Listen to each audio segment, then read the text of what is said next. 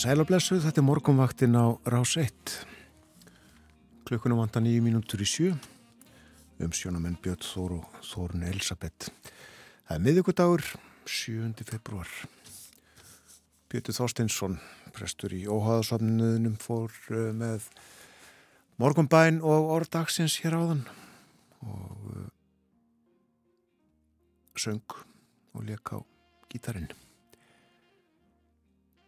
Pétur óhefbundin maður. Við býstna hefbundin hér hins vegar, uh, hugum að verinu, aðtöfum hvernig viðraða á landinu fyrir tæpri klukkustund. Nokkuð dreyið úr frosti sínist mér frá því gerðmorgun, einstigs frost í Reykjavík, hægurvindur, þryggjastega frost, stafóldsei, tveggjastega frost í stikisólmi, heiðskýrt þar, tveggjastega frost á Patrísfyrði og einstigsfrost í Bólungavík, einstigsfrost á Hólmavík, tveggjastega frost bæði á Blönduósi og við Söðunisvita, fimmstega frost á Akureyri, fjórastega frost á Húsavík og uh, hægur vindur á uh, öllum þessum stöðum, flestum allavega. Norðan átta hins vegar á Rauvarhöfn og einstigsfrost þar, þryggjastega frost á skjaltingstöðum og sexstega frost á eilstöðum, allskíjað á eilstöðum, nánastlokk, einstigsfrost á höfni Hortnafjörði, tveggjastega frost á Kvískerjum, þryggjastega frost á Kirkjubæðaklaustri, einstigsfrost á Stórheða í Vestmannegjum og sexstega frost í Árnesi og uh, svona 8, 9, 10 stega frost á Hálendinu eitthvað svo leiðis. Já, uh, ekki alveg af kallt eins og ég segi eins og í gerðmorgun og uh, nánast logn við það uh, verður svo litið frost í dag en herðir á því í kvöld og áfram norðanátt sem að kælir nú yfirleitt enn frekar Það verður norðlega átti á 5-13 metrar á sekundu viðast hvar en 10-15 suðaustan til á landinu. Það verður jél á norðanverðurlandinu en léttir til norðvestan til og létt skíjað sunnan heiða. Frostið á bylnu 3-9 stig en sem fyrr segir þá herðir á frostinu í kvöld og það lægir víða á landinu í nótt verður hægur vindur á morgun breytilega átt 3-8 metrar á sekundu en aðeins kvassara austast á landinu framann að tegi og á morgun verða stöku jélum norðan og norðvestanvertlandið en bjart viðri í öðrum landslutum og talsvert frostum mest allt land. Svo norðu austlæg eða breytilega átt á förstu dag víða létt skíð, stöku jél og víð og dreif á austanverðulandinu en þeknar svo heldur upp á sunnaverðulandinu en engin úrkoma fylgir því og áfram verður kallt í veðri. Svo er útlitt fyrir smám saman hlínandi veður í byrju næstu viku, segir í hugleggingum veðurfræðings og dálitla snjókomu en einnig regningu um miðja viku. Og það er uh, þungfært víða, sumstaðar ófært, það er þungfært á Mósfellsheiði og Kjósaskarði, þungfært á Bröttubrekku og Fróðarheiði. Nú uh, ófært er á Þröskuldum, Bjarnafjörðarhálsi og norður í Árnesrepp þæfingsfærðana svíða á vestfjörðum. Það er ófært á þverarfjalli sem stendur. Þæfingsfærði víða annar staðar á Norðurlandi og uh, Siglufjörðavegur lokkaður vegna snjóflóðahættu og sömu sögu að segja af Ólasfjörðamúla. Snjóþekja almennt með ströndinni á Norðausturlandi eitthvað um hálku á öðrum leiðum og uh, hálka eða snjóþekja á flestum leiðum á Östurlandi. Greiðfært víða þó með ströndinni og uh, hálka á Suðausturlandi ykkvað um snjóþekju. Og það er þungfært á Lingdalsheiði þæfingsfærð á Þingvöldum Svona eru aðstæðar í landinu þennan morgunin Við hlustum á lag. Hlustum á uh, Elu Fitzgerald, Stairway to the Stars.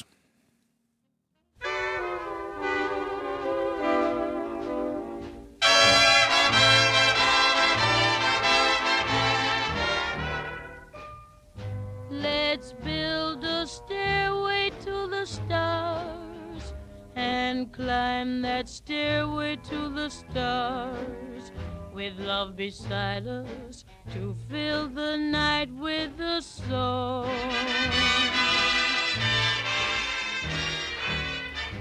We'll hear the sound of violins out yonder where the blue begins.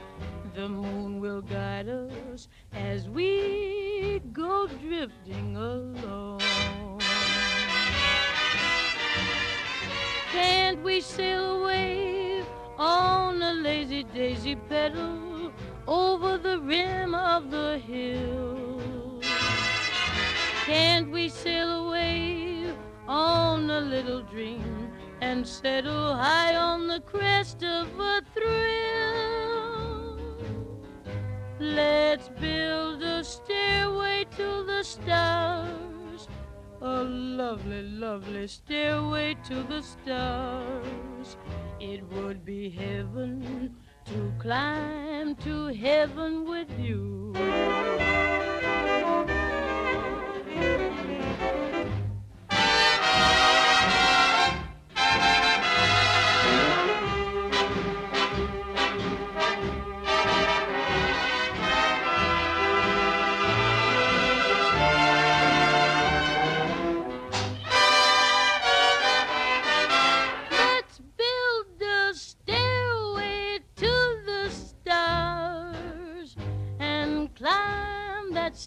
To the stars. Yes, we're climbing, climbing to the stairway to the stars, stars, stars, stars. Sound of violins way out yonder where the blue begins. The moon will guide us we go drift, drift, drifting along. Can't we sail away on a lazy daisy pedal over the rim of the hill? Can't we sail away on a little dream and settle high on the crest of a thrill?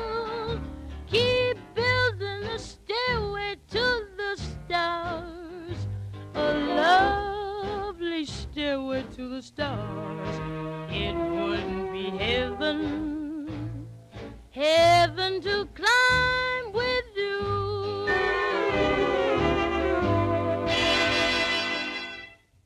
Ella Fitzgerald með okkur á morgunvaktinu á Rást 1 Stairway to the Stars söngum.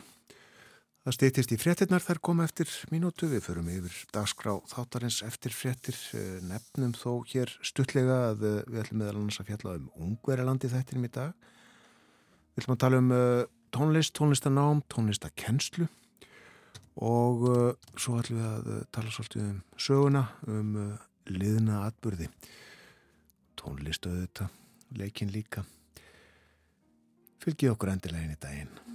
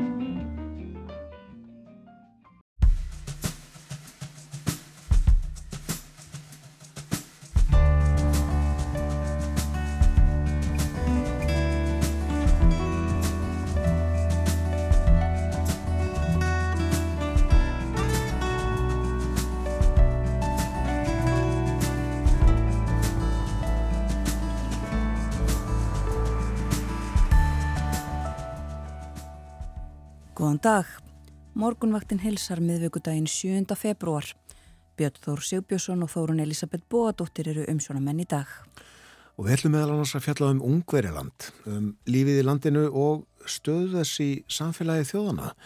Mikla breytingar hafa orðið undir stjórn Viktors Orban, forsættisráð þeirra, sem stöðugt og markvist hefur aukið völd ennbætti síns. Og raunar er sagt að ungveriland geti vart lengur talist líðræðisríki. Gunstein Ólafsson, tónskáld, þekkir vel til mála. Hann var við nám í Budapest á nýjunda áratu síðustu aldar á kommunistatímanum og hefur dvalið í Ungverilandi um skemri eða lengri tíma margóft síðan og síðast nú í vettur. Við spjöllum um Ungveriland við Gunstein upp úr klukkan halv átta. Frábær árangur íslensks tónlistarfolks, nú síðast Lauvear Lín Jónsdóttur, vekur yðurlega mikla aðtekli og stolt hér á landi. Á bakveg árangur af þessu tægi er gríðarlega vinna sem yfirleitt hefst í löngu tónlistarnámi í íslenskum tónlistarskólum. Sigrun Grendal, formaður félags kennara og stjórnenda í tónlistarskólum verður gestur okkar eftir morgunfrettinnar klokkan 8 og ræður um tónlistarnáma á Íslandi. Og í síðustu viku var sagt frá því að bandarískir djúpsjávar könnuðir þeir telja sig hafa fundið flag flugvilar Amelíu Earhart, flughetjunar fræguð. Vélinn kvarf á flugi yfir Kirrahafi 1937 og hefur verið leitað æg síðan og ímsar kenningar hafa verið setta fram um afdrif hennar í áranar ás en ekkert er enn vitandi vissu. Og ef þessar nýjustu fjettir einastréttar þá liggur flag vélarinnar á miklu dýpi á afskektu hafsvæði í Kirrahafi. En eins og flest annað tengt þessari lífsegur aðgáttu þá er nú ekki allir sannfærðir og erfitt geti orðið að sannreina kenninguna. Vera Yllugadóttir verður hjá okkur og með okkur upp úr hálf nýju og segir okkur frá þessu öllu saman. Það er áfram norðanátt á landinu í dag þó ekki mjög kvast 5-13 metrar á sekundu örlíti kvassara söð austan til á landinu. Og jél á norðanverðu landinu léttir til norðvestan til og létt skíjað sunnan heiða. Frostið 0-6 stigi við daginn en það herðir á frostinu í kvöld og lægir viða á landinu í nótt. Það verður hægur vindur og stöku jélum norðan og norðvestanvert landið á morgun en bjart viðri í öðrum landslutum og talsvert frost um mestallt landið. Og það á við áfram uh, út helgina og aðeins inn í næstu viku en það er útlitt fyrir hægt hlínandi veður í byrjun næstu viku þó. Gert ráð fyrir því að það verði dálið til snjókoma og uh, svo líka regningum með því að næstu viku.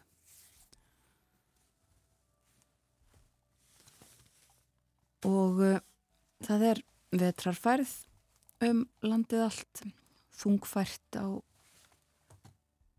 á ýmsum heiðum ekki síst, þungfært meðal annars á Mósulsheiði og Kjósarskarði á Suðvesturlandi þungvart á Bröttubrekku, ófært á Þröskuldum, Bjarnafjörðarhálsi og norður í Árnesrepp og ófært á Þverárfjalli fyrir norðan.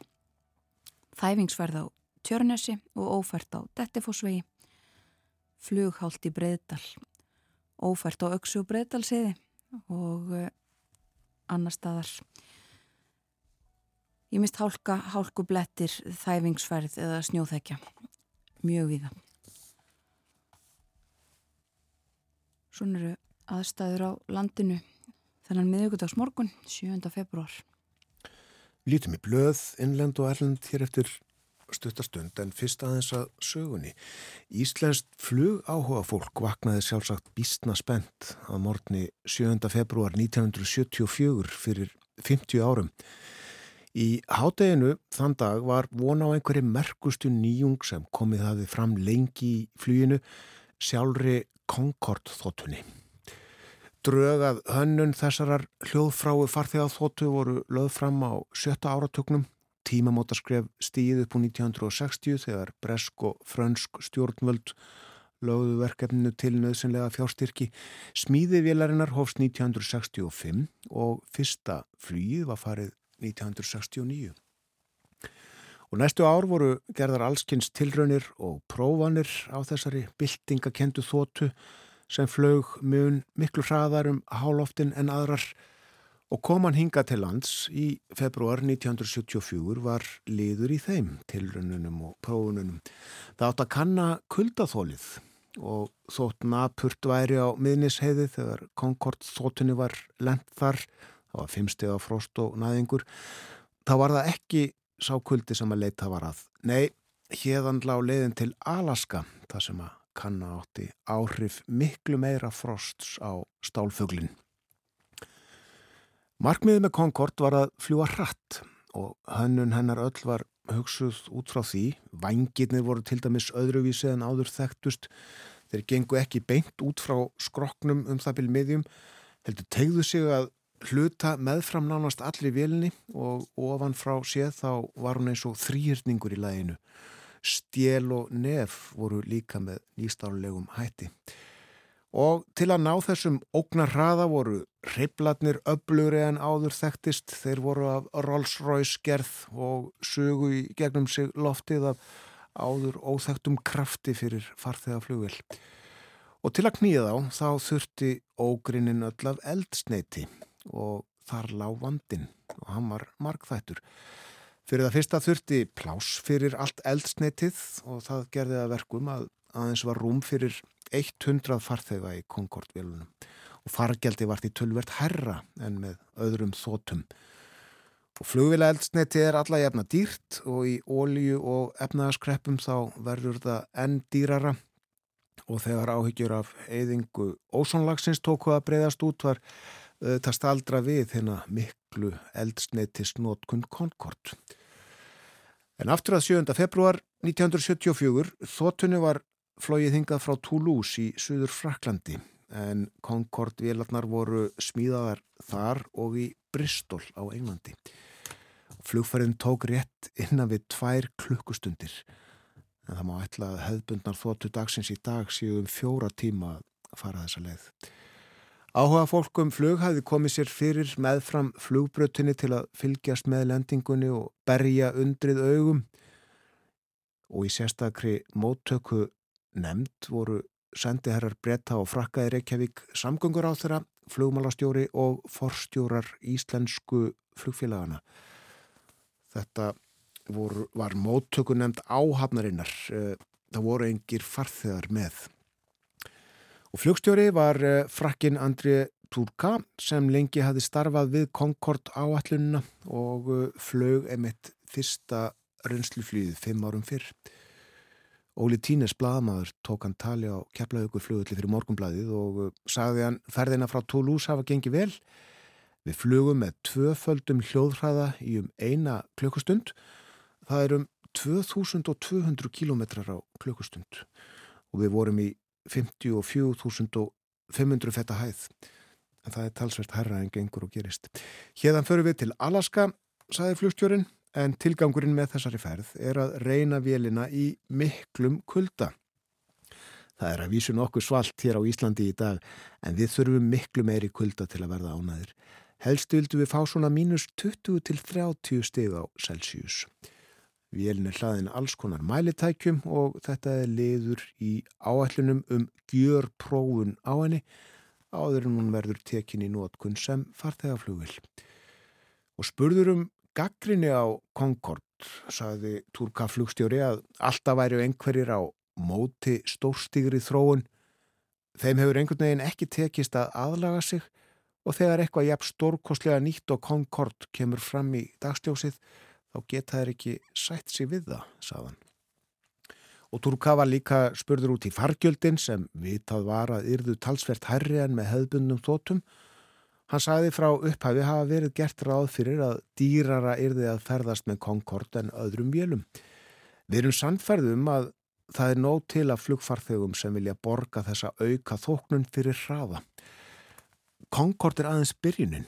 Það eigi eftir að koma stærri og enn hraðflegari þóttur á markaðin.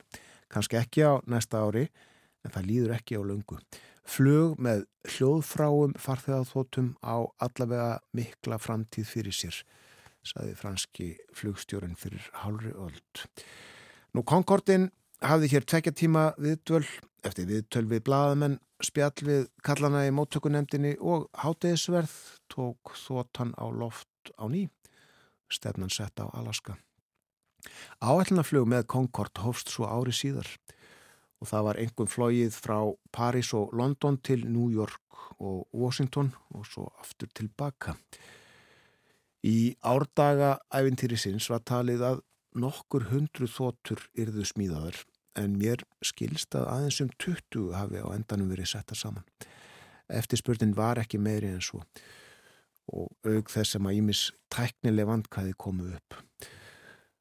Áhrif árásana á tvíturnuna á Manhattan 11. september 2001 og flugslis sumarið áður þar sem 113 letust reyðu svo miklu um að síðasta flug Concorde var flóið í november 2003. Það var lenda á Bristol-Filton flugullinum í Englandi. Þetta var, skulum við segja, stutta útgáðan af sögunu Concorde. Og tilefnið 50 ár í dag síðan slík þóta lendi á keflaugur flugulli og uh, hafði þar tekja klukkustunda viðtull. Og eins og ég sagði í byrjun flug áhuga fólk fyldist með lendingu og flugtæki, spennt vitaskuld. En uh, mannfjöldi sem að sapnaði saman við Kennedy flugullin í New York akkurat tíu árum fyrr, já hann var þar ekki vegna áhuga á flugvélum, heldur á farþegum, tilteknum farþegum. Bíklarnir komu til bandaríkjana í fyrsta sinn 7. februar 1964. 3000 ungmenni tóku á mótiðum á vellinum sem þá hafi borið nafn fósettans heitins fyrirverandi í rúman mánuð. Og erendi bíklana var að koma fram í sjómanstætti Eds Sullivans. Setna þetta ár 1964 fóru bílarnir svo aftur til bandaríkjana og uh, þá í hljómleikaferð. En uh, í þætti Ed Sullivans þá fluttu bílarnir fáinn lög og uh, þar á meðal All My Loving. Close your eyes and I'll kiss you Tomorrow I'll miss you Remember I'll always be true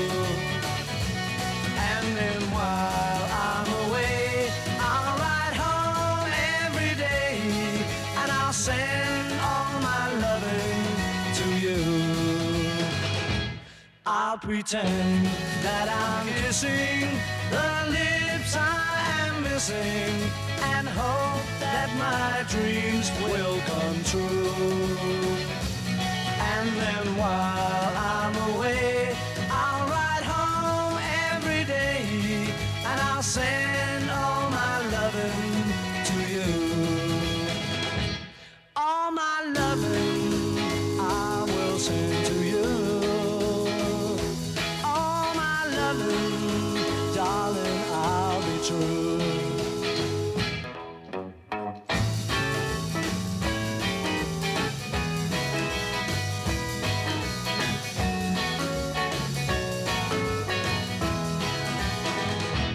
Close your eyes and I'll kiss you. Tomorrow I'll miss you. Remember, I'll always be true.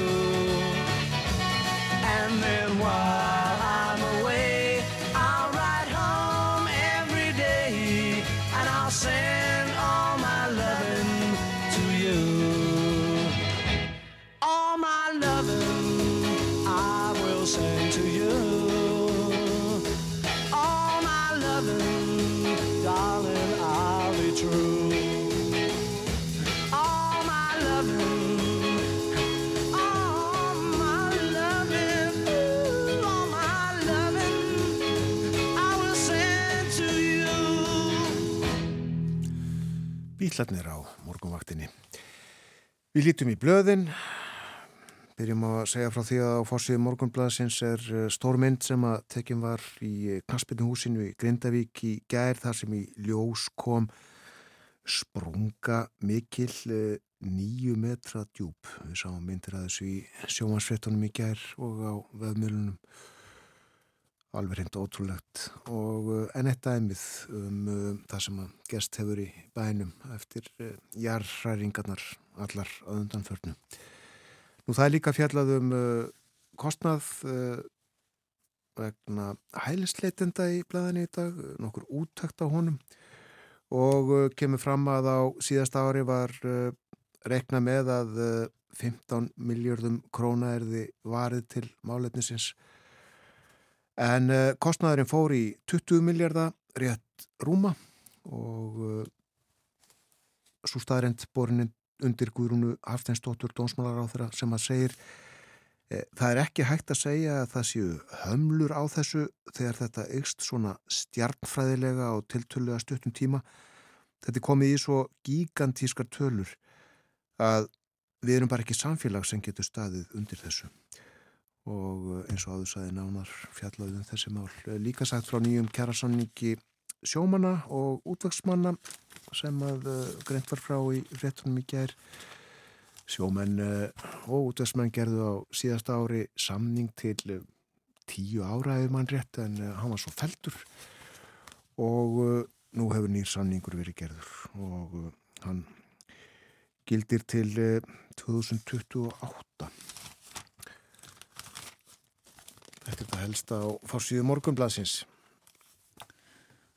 Lítum þá út í heim og uh, byrjum í Noregi þannan morgunin. Þar er sagt frá því í uh, mörgum fjölmjölum að uh, norsk stjórnvöld þau vilja og ætla að banna snjálfsíma í grunnskólum. Sögðum frá þessu af fórsíðun og politíkin í Danmörku í gerðmorgun og nú er fjallað um þetta í Noregi uh, víða. Og uh, ráð þeirrar heimsóttu skóla í, í gær þar sem að uh, ákveði var að uh, hefja þetta verkefni í haust. Uh, nefnendur mátt ekki vera með símana á sér. Og uh, þar hefur reynslan verið með ágætum. En fjallaðum þetta í fjölmörgum norskum fjölmjölum sem fyrir segir fjallað um þetta á vef Norska Ríkisútusins líka um, og þar eru svona skiptarskoðinir, kennarar segja jú, við, þetta mun sannlega hjálpa til við einbettingu og fleira en símatnir hafa nú líka hjálpað, e, það er líka hægt að nota þá í kennslu, sjá svona báðar hliðar á þessu. Símar hafa verið bannaður í einhverju skólum hér og þá bara ákvarðun skóla stjórnenda. Einmitt og það er eins og þessi skóli sem að ráðherrarnir norsku heimsóttu í gær uh, þar er þetta líka eitthvað sem var bara ákveðið í uh, ákveðnum skólum en nú á að fara að gera þetta uh, að reglu um allt land og þetta gildir í batnaskólum og gagfræðiskólum. Og þá ekki heldur að nota símana í fríminútum eða neitt slikt. Áfram er fjallaðum uh, fangelsismál í sænskum fjölmiðlum og líka um uh, uh, stöðuna í gengja stríðum þar um, og það eru stóru málin á fórsíðum þeirra blada sem að, uh, við höfum aðgangað. Á fórsíðun á politíkin í Danmörku er uh, áfram fjallað um geðhelsu Dana. Uh, það var í gær fjallað um þau mál. Um, Danir aldrei verið í ég væri að andlugu ástandi svona heilt yfir fleiri sem að líður illa og eiga erfitt og uh, ungar konur sérstaklega. Og í dag er fjallað um það að uh, börn og úlingar uh, hafi ekki eða brotið sé á rétti þeirra til uh, þess að fá þjónustu fljótt í geðhelbriðiskerfinu uh, það sé viðmiðum það að uh, börn eigi ekki að býða lengur en 30 daga eftir aðstóð en politíkan hefur fundið uh, þúsundir dæma uh, þar sem að uh, hitt gagstaða ávið þar sem að börn og ungmenni býða lengi. Rætt við á þeirra þessara mála sem að segja þetta jú auðvitað ekki nægilega gott. Og þá má kannski nefna það að það kom frettatilkynning frá helbriðisraðunitinu hér á landi í gær þar sem að komu fram jákvæðarfrettir vegna þess að byðlista áttak hjá göngudeldar þjónustu hjá batna og úlingageðtild hér hefur skilað miklum árangri. Breytt skipulag og auki fjármagn og eh, þannig hefur tekist að stitta byð batna eftir göngudeldar þjónustu verulega. Ekkert bat býður eftir þjónustu lengur en 90 daga. Það er tölvört lengra heldur en viðmiðið er í Danmörku en uh, þetta enga síður tölvört breyting. Það byðu að jafnaði uh, 100-130 börn á hverjum tíma eftir þjónustu en nú uh, í lóki janúar þá byðu 26 börn eftir þjónustu. Byðin er að jafnaði innan við 1,3 mánuður segir í þessari frettatilkynningu. Og það er líka fjallað um söpumála á, á eh, einni fórsíðun í Breitlandi. Eh, Guardian segir frá því að erfileikar í, í bresku helbreyðistjónustunni valdi því að það séu 600 börn í hverju viku sem að e, eigi í e, einhvers konar andleiri krísu og e, þurfi að býða mörg börn sem að e, þurfi neyðar þjónustu og eru verulega veik en hafa verið först á bygglistum í breska helbriðiskerfinu að meðaltali 5 mánuði. Í verstu tilfellunum þá hafi börn byggðið í 2 ár og tilfellum af þessu tægi börnum sem er vísað til um, helbriðiskerfisins vegna andlera veikinda í Englandi uh, þeim hefur fjölgaðum yfir 50% á þremur árum. En annars er uh, í breskum blöðum mikið áfram fjallaðum uh, Karl Konung krabbamenns meðferð sem hann hefur hafið og á flestum fórsjónum í dag uh, fjallaðum það að uh, Harry Sónurans hafi drifið sig yfir hafið frá bandaríkjunum til Breitlands til þess að hitta föðusinn. Og eh, aðeins af bandarískum fjölmjölum, þar er fjallað um ímislegt uh, meðal annars uh, um það að í gær þá komst áfríunar domstóll í bandaríkjunum á þeirri niðurstöðu að Donald Trump fyrirverandi fórseti, hann uh, neti sannlega ekki friðhelgi vegna þess að hann hefur verið fórseti friðhelgi frá saksókn sem sagt um, í uh, málinu sem að tengist uh, árásinni á þingúsið í Washington í kjölfar kostninganna árið 2020 það sé hægt að sækja hann til saka fyrir þátt sinn í því máli. Og líka fjallaðum fleiri mál það er ímislegt á segði í bandariska þinginu og uh, svo eru þetta fjallað um uh, stöðumála fyrir botni miðrarhafs viða. Það hefur verið sett fram uh, áform um, um vopnallíja. Það hefur ekki verið gefið út hvað fælst í þessu, þessum áformum sem að Ísrael, Bandaríkin, Katar og Egiptaland hafa sett fram en hefur verið sagt frá því þó í fjölmjölum að það sé uh, talað um sex vikna vopnalli og Ísraelskir gíslar eruðu uh, lestir úr haldi og sömuleiðis palestínumenn í haldi Ísraela. Og líka greint frá því fjölmjölum að uh, Ísraelsk stjórnvöld hafi sagt fjölskyldum gísla sem hafa verið þar í haldi uh, á Gaza frá því oktober að, að minnst okkosti 30 þeirra síu látnir. Og það var sagt frá því líka í gerðkvöldi í frettum að eh, þrjár íslenskar konur fóru að landamærum Gaza til Rafa uh, og tókst þar á fjórun dögum að sækja fjölskyldu sem er með leifi til þess að koma til Íslands. Konu og þrjú börn uh, fadir barnana nú þegar á Íslandi og þau hafa fengið fjölskyldu saminningu og Bergþóra Snæbjörnsdóttir, Marja Lilja Þrastadóttir og Kristín Eiriksdóttir þessar þrjá konur sem fóru út í síðustu viku og uh, gáttu hjálpað þessari fjölskyldu frá Gagrina stjórnvöld hér á landi harlega fyrir að uh, standa ekki í þessu sjálf. Uh, þær séu í sjálfbóða vinnu við þetta og kölluðu eftir því að, að Íslensk stjórnvöld semdu erindrega þarna að landamærunum og uh, það saði Katrín Jakobsdóttir í gæri að ætti að gera. Bjarni Benediktsson, auðverkisráþur segir þessi mál enn í skoðun. Það líður yfirleiti morgunfrétta hér á morgunvaktinni og að þeim loknum ætlum við að ræða um Ungverjaland. Gunstein Ólafsson er að koma sér fyrir hjá okkur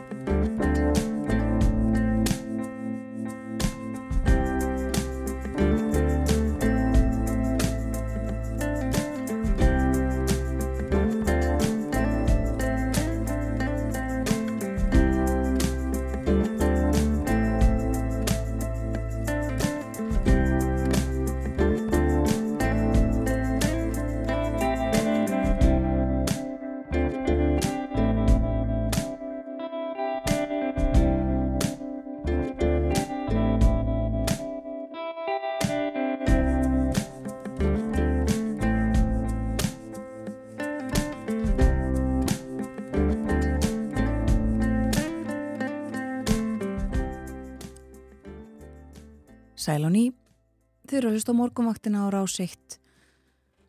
Yfirleitt morgunfrétta að baki og klukkan orðin rúmlega halv åtta. Lítum örsnögt til veðurs. Það er áfram norðanátt á landinu og frost. Herðir enn á frostinu í kvöld en eh, lægir sömuleiðis. Það verður hægur vindur á morgun og stöku jél en annars bjartviðri. Stöku jél fyrir norðan samsagt og talsvert frostum mest allt land. Að 15 stegum segir í e, veðurspáni. Og það á við áfram, það dregur aðeins úr frostinu og lögadag verður þó kallt að 12 stegu að frosti á sunnudag til dæmis. En svo hlínar smám saman og e, geti verið orðið frostlust sumstaður um landið uh, snemma í næstu viku. Líka útlitt fyrir snjókomu en svo líka regningu í kjálfarið. Við minnum á það hér og eftir þá ætlum við að ræða um tónlistanám, uh, stöðu tónlistaskóla, tónlistarkennslu. Til okkar kemur Sigrun Grendal Jóhannesdóttir, hún er formaður félagskennara og stjórnenda í tónlistarskólum. Og í síðasta hluta þáttarins verður vera Ílluadóttir með okkur. Hún ætlar að segja okkur frá því nýjasta í máli Amelíu Erhardt. En nú eruð fjallað um Ungveriland, um lífið í landinu og stöðu þess í samfélagið þjóðana. Ungveriland er reglulega í fréttum og þá engum fórsætisráþaralandsins Viktor Orban. Hann er oftar en ekki í andofi við samstarfsríkin í Evrópusambandinu og Allandshafsbandalæginu og hefur grepið til ímissa aðgerða og breytinga heima fyrir sem gera verkum að sumir vilja meina að Ungveriland sé ekki lengur líðræðisríki. Hér er Gunnsteinn Ólafsson, tónskáld, hann þekkir vel til í Ungverilandi, hann held ánga til náms fyrir rúmum 40 árum og hefur dvaliðar oft síðan í lengri eða skemmri tíma. Velkomin til okkar á morgumvaktina Gunnsteinn. Takk fyrir. Byrjum kannski allra fyrst á, á því eh, hvers vegna ákvastu að fara í skóla í Ungverilandi þarna á kommunista tímanum? Já, það var nú bara rækinn tilviljun. Ég þekkti lítið Ungveriland á sína tíma, ég áttaði þannig til að ég fór 20 ára aldrei sem leðsögumæður með erlenda ferðamenn um landið í fyrsta sinn, minna fyrstu ferð með erlenda ferðamenn og þurfti að tala reyndar á þremur erlendum tungumálum þessari ferð. Og þar voru belgíska sýstur sem að sagði mér, já, ef þú ætlar að fara til útlanda að læra tónlist þá skal það fara til Ungverðarlands ég kom alveg á fjöllum og það er alltaf að senda mér bæklinga og allt um landið og þetta væri aldrei skósen land fyrir unga tónlistamenn og svo mánuði síðar, þetta var í ágúst mánuði síðar, þá ræður þá er ég ráðan til að fara til til Bulgaríu sem leysum með íslenska ferðamenn og er það í þrjár vikur. Og þegar ég kem aftur uh, heim þá segir uh, hérna forstjóri ferðarskristofunar ef þú ætlar að fara til útlanda að læra tónlist þá skaldu fara til Ungverðlands og ég kem aftur af fjöllum og skil ekki hvað hva áttu við? Já, ég er hérna með, með hérna, náspjald pianista sem að kenni við Franslist Akademin í Budapest, hún hefur verið leysumæður hjá mér, skrifaði henni og sáðu hvað kemur út af því. Og ég bara sendi þetta bref út og segja ég heiti Gunnstedt Ólásson og langar til að læra þetta og þetta og hvað ég gera? Og hún bara svara strax, þess að veð og sendir þetta og þetta og þetta. Og ég gerði það. Og svo fekk ég bref sömari 1983 frá skólanum. Þú ert velkomin í Franslist Akademíuna í Budapest. Og hvernig var svo að koma til landsins? Ég náttúrulega kemur þarna algjörlega málaus og hafði ekki lært stakt orðið ungversku. Og uh, þetta var náttúrulega bara mikið ævintýri að koma þarna því að tónlistarmentun í Ungverilandi er mjög háu stígi og, og ég, þegar ég kem þarna fyrst 21 árs þá var ég hérna, langt fyrir neðan getu þeirra nefnda sem að voru að hefja námi í akademíunni. Þannig að ég fór bara í, fekk bara enga tíma í þeim greinu sem að ég þurfti helst á að halda og var tvö ár svona sem undirbúinisnefandi og lærði aðalega sem tónsmiðar og píjónuleik og, og korstjórn og svo eftir tvö ár þá var ég, tók ég intökupróf í skólan og stóðst það með glæsi brag og var, var svo tvö ár sem fullgildi nefandi í akademíunni og þá hefði þurft að vera þrjú ár til viðbótar því hún var fimm ár en mér fannst bara nóg komið eftir fjögur ári í Ungverðarlandi og ákvaða að halda þetta í Þískalands og, og laug þar námi. Já. Í Ungverðarlandi var svona, uh, má segja, mildasta útgáðan að kommunistbama. Já. Þeir, þeir uh, og kallaði gúlaskommunismi Gúlaskommunismi mitt, þeir voru ekki sem harstjórarnir og, og uh, víða í Evrópu. Nei, það, það var þarna með uppreistinni 1956 þá örðu kaplaskil í sögulansins, það var hérna maður við stjórn sem að hétt Rakosi. Hann eh, var í rauninni katholskari heldur Stalin sjálfur í, í stefnu kommunismans og var með eh, öryggisveitur á sínum vegum sem voru kallaðar Avos og þeir voru þess að tóku gríðarlega hart á fólki og það var óðbáslegur spenningur og, og, og svona terror í gangi gangvart landsmönnum. Ef að stoppaði svartur bíl fyrir utan húsið þá vissur það að vera að sækja einhvert og hann sást aldrei framar. Já. þetta var alveg, þetta voru hræðilegi tímar.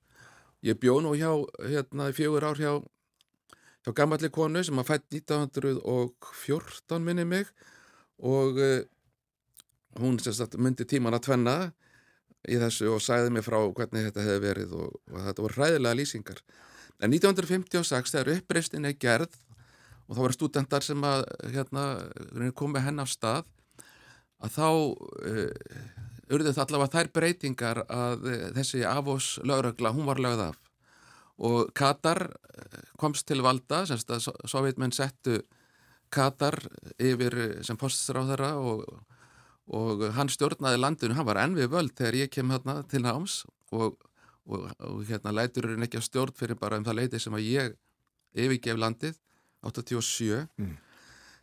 að þá hérna að taka þeir upp hérna svona það er ákveðin enga rekstur sem er leiður í landinu og svona hérna, smáfyrirtæki, enga fyrirtæki eru leið og og hérna svo er náttúrulega sko, listinnar eins og tónlistin hún blómstrar þrátt fyrir allt og, og það er, sko, þetta eru gríðarlega hæfileikarík eh, þjóð á, á sviði tónlistar og margir listamenn hérna í fremstu röð.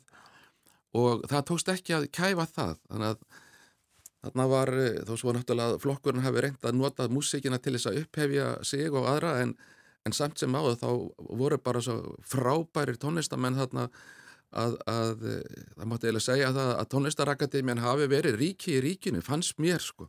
Þetta var svona það sem var sko frjálsugsun var leið ég, ég man mér þess að það var einu svona hérna, kom einhver ókunnu maðurinn í tíma hjá okkur í tónsmíðabeknum og bankaði upp á og, og spurði er félagi istvan við?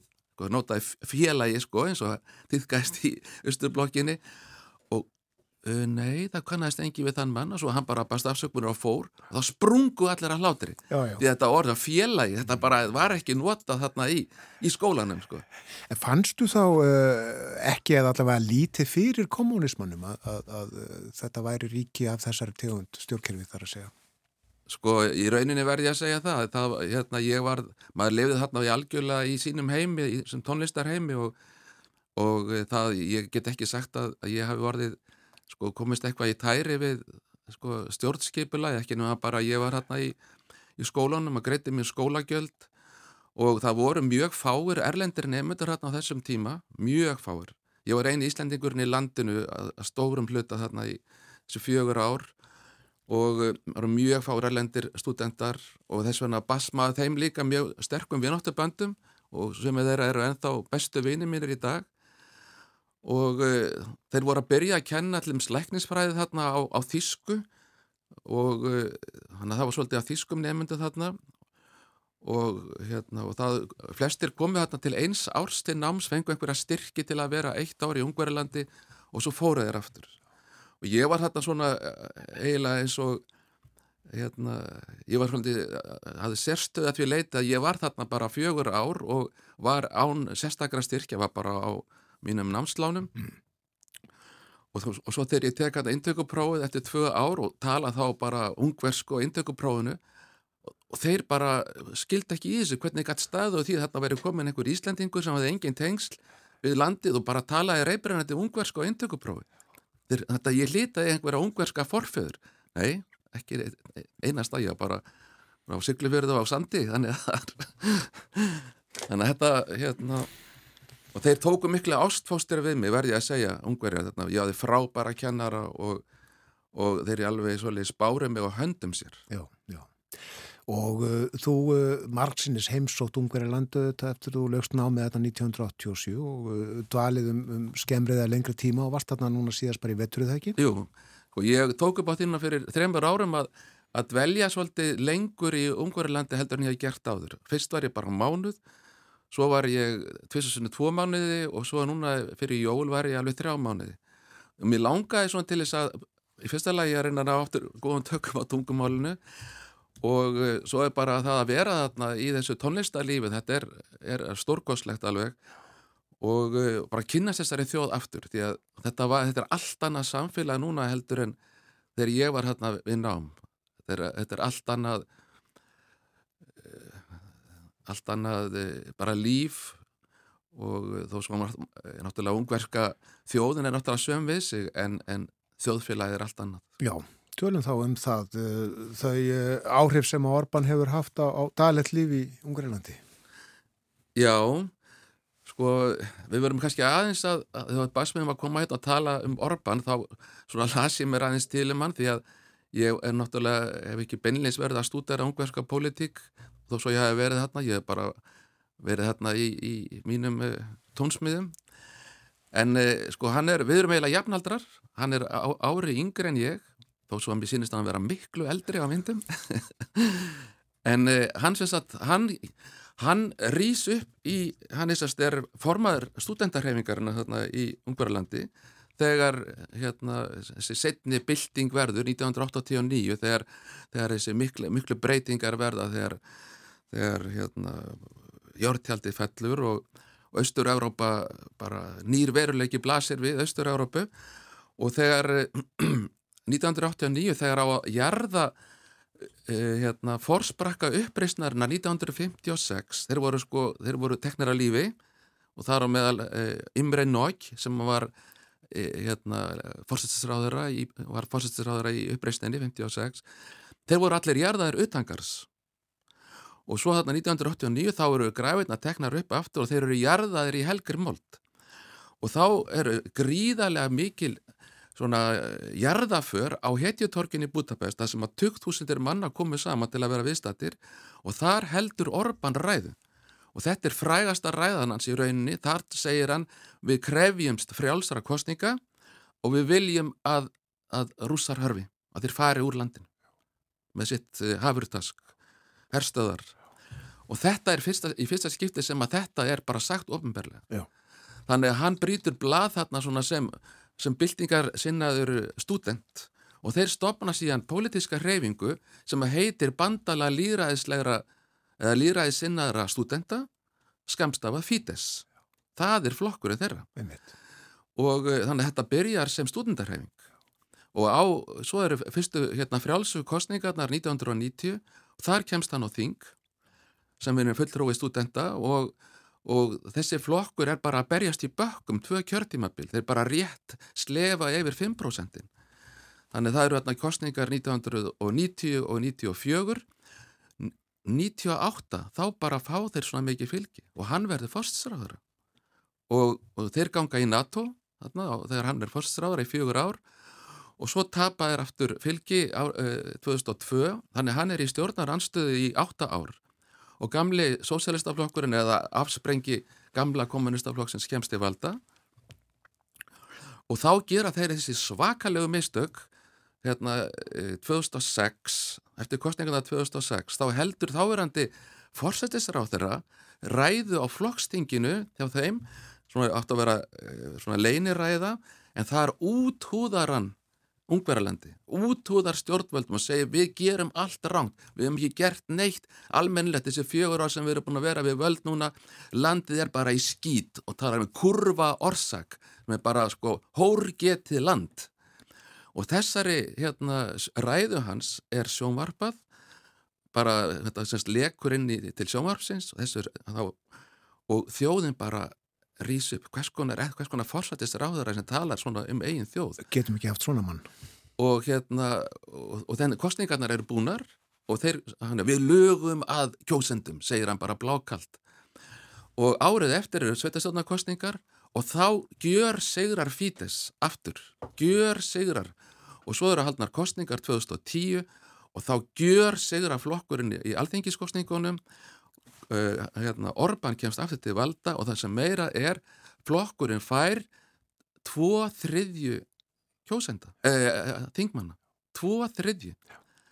Bara er með svona aukin meirulhauta og það þýtti að það var hægt að breyta stjórnaskar á landsins með auknum meirulhauta og þeir taka bara að breyta stjórnaskaráni, gjör breyta stjórnaskaráni og hafa gert það, e, þeir trekki trekk síðan og e, fært landi svona á svona eiginlega langt á hægri vangin og það er sko að segja að við erum landi kristilera viðhorfa og, e, og það er hérna og hérna og svo framvegist þannig að, að þetta hann færi þess að flokkin svona langt til hægri. Þeir hætti að kalla þetta í rauninni studendarhefingu heldur þetta bara orðin borgaraflokkur segja þeir.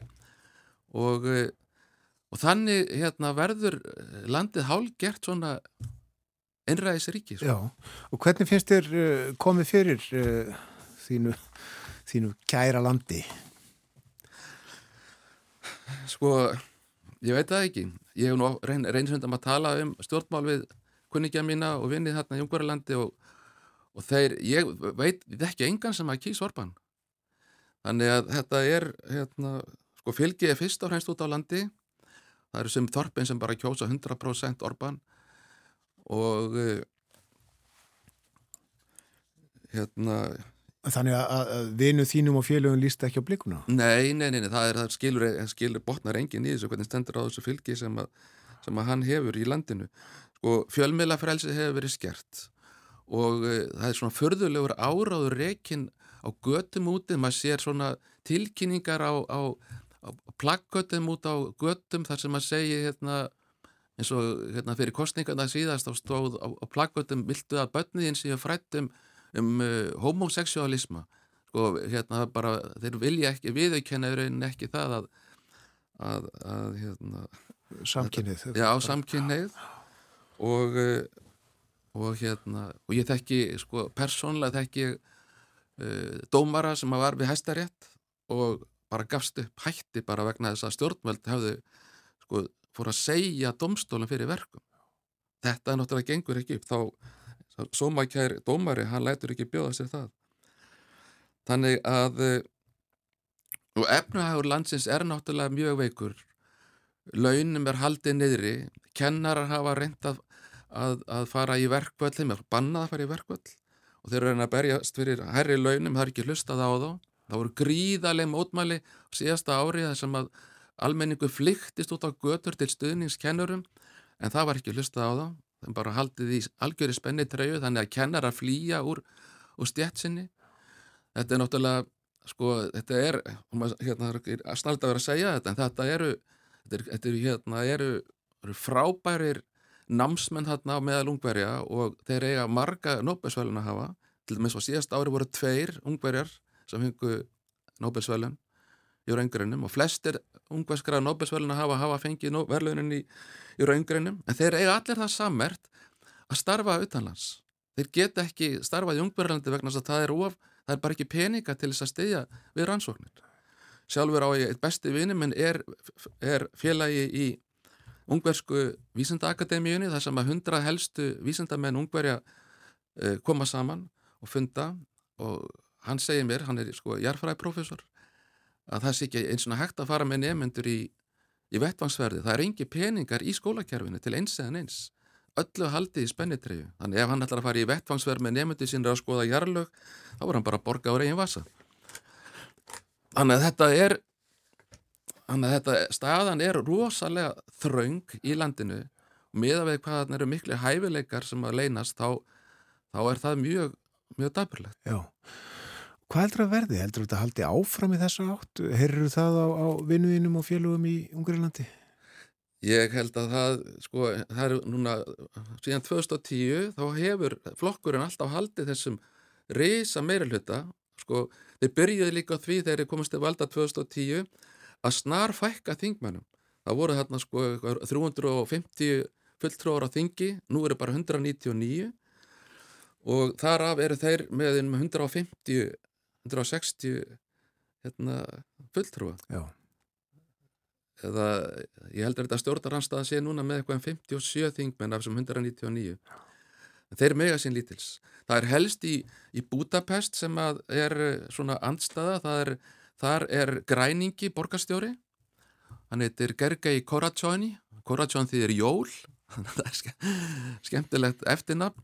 Hann er semst að græningi og, og maður eru orðið varfið sko mikla breytingar í borginni. Það er að segja að það eru eins og til dæmis hjólastígum hefur gríðarlega fjölgaði í borginni. Það er kapplagt á að, að auðvelda reyðhjólamennum að komast um borginna ég kipti með mér þess að sjálfur reyðhjól og ferða að spara á hjóli í borginni.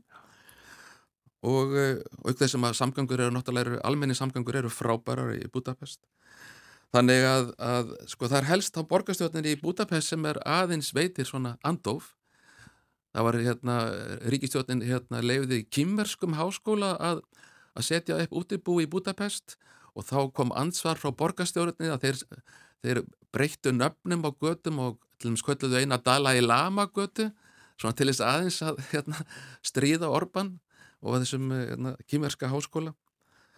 En sko hvort að hérna, Orban er eftir að tapa völdum, ég veit það ekki. Kannski á hann eftir að, að hérna, gera eitthvað í buksurnar þannig að hann verði að menn rýsi upp gegn honum. En, en, en eins og staðin er núna þá, þá verði sko efnahagslífi þar að segja sko, þeir sem að stunda viðskipti þeir við að sátti við Orban og hérna Þeir starfa þá í, í skjóli hans að einhverju viti líklega. Já.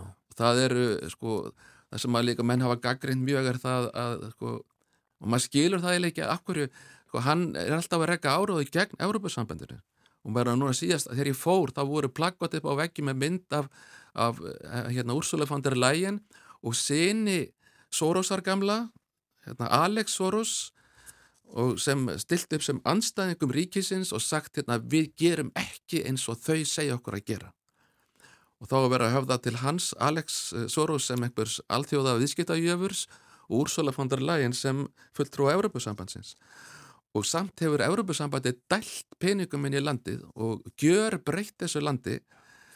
Og ég nefnum sem dæmi að hérna, Akademia gamla mín hérna, Fransleist Akademia henni var hús sem var byggt sko í byrjun 20. aldar. Það var sko gert upp svo stórkostlega með evróskum peningum en það var sagt að sko að meirluti peningana hefur bara runnið í vasa hérna þeirra sem að áttu að stjórna þessum framkvæmdum. Já.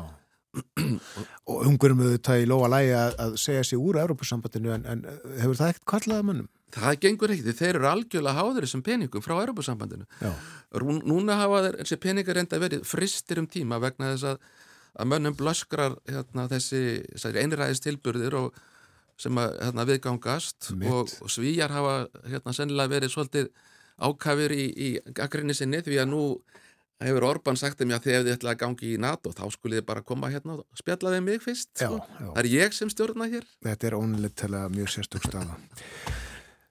Við segjum þetta gott í bíli Þakkaði fyrir að vera með okkur hér á morgunvaktinni Gunsteinn Ólason og uh, tala um Ungariland, um Budapest, um uh, tónlistarlífið og menninguna og uh, Viktor Orban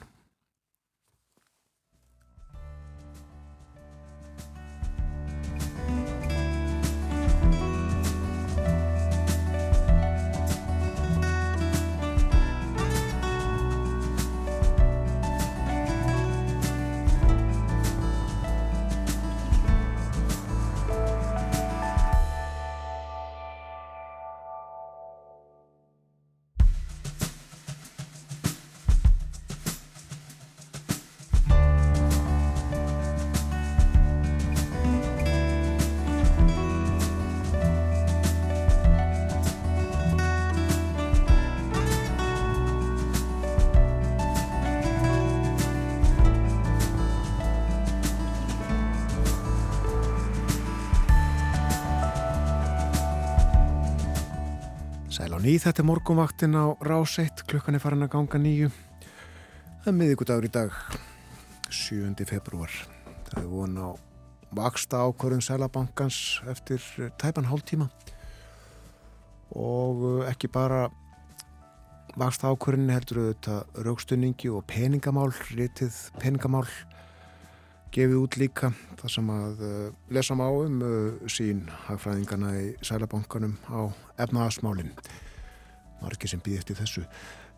Nú, uh, þingfundur er í dag, hefst klukkan þrjú held ég alveg öruglega, já, og á þingfundi í dag fer fram sérstök umræða um, eins og segir tilkynningu, fálil, fáliðaða lögreglu.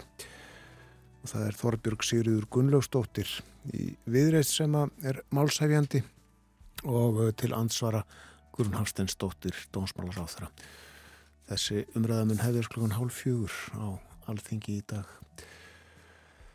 Nú, uh, það verður uh, bjart víðaðum land í dag og stóran hlutadags víðast hvar sínist mér.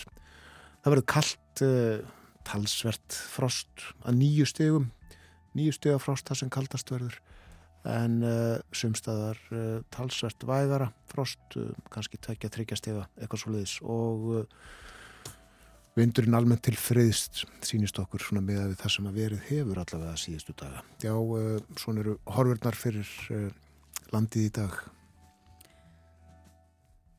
Lauveilín Jónsdóttir hlaut eins og hlustundum er líklega flestum kunnugt grammi völunin um liðina helgi. Hún er nýjasta dæmið um velgengni íslenskra tónlistamanna.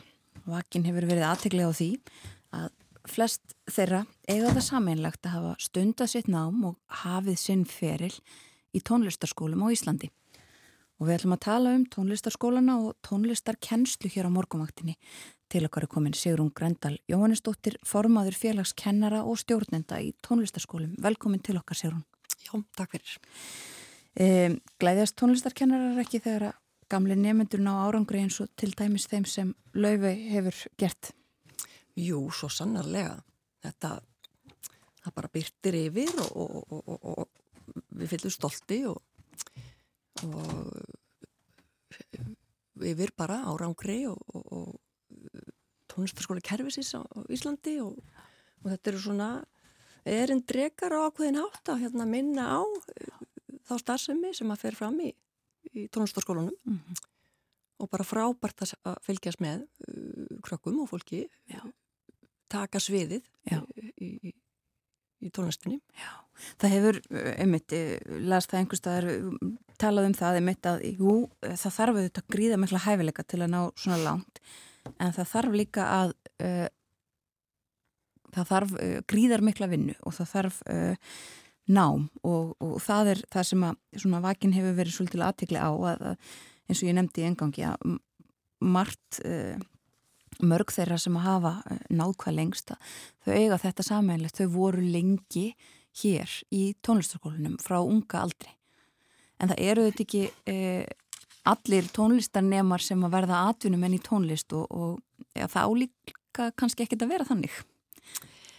Nei, við erum náttúrulega kannski svo litið á öðrum stað uh, heldur en rætur tónlistarskóla tegja sig til, það er fyrri alda, kannski 800, 850 eitthvað slíkt, að þá var tilgangur um á tónlistarskóla að menta tónlistafólk fyrir hyrðin eða kirkjuna eitthvað slíkt. Og þá má segja kannski að hér í upphafi fyrir miðja síðustu öld að þá var okkar umboð pínlítið af sama meiði. Við lögum metnaði það að, að geta mannað hér symfónljósveit og, og, og aðra hljósveitir og, og tónlistar líf en hlutin gerast hratt og þá má segja að umboðu sé gjör breytt það sem að tónlistarskólar þurfa að e, taka inn í sína starfsemi Já. þetta er e, og kannski bara e, samhliða því að við erum farin að horfa meira á samhengi hlutana og hugsaum ekki í sílóum og, og við viljum að hver og einn einstaklingur skilir sér sem virkur þjóðfélagstegn út í, í samfélagið og og eigi gott líf.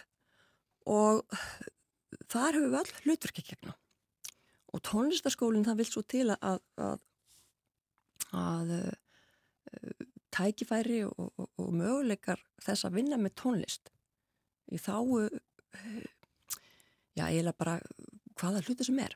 Þeir eru ótæljandi og svo sannarlega hefur tónlist uh, uh, hlutir ekki að gegna og, og er gott uh, fyrir alla öll börn að fá að, að kynast og njóta og, og, og gera að lífsföru nöyt. Já, og það hefur bara verið sínt fram á það er það ekki með alls konar rannsóknum einmitt að tónlistanám eh, hjálpar til við annars konar nám og það er bara ymsir kostir eh, þess að, að læra um tónlist og, og læra á hljóðfæri eh, ekki bara þessir eh, sem að kannski blasa við að, að læra að spila.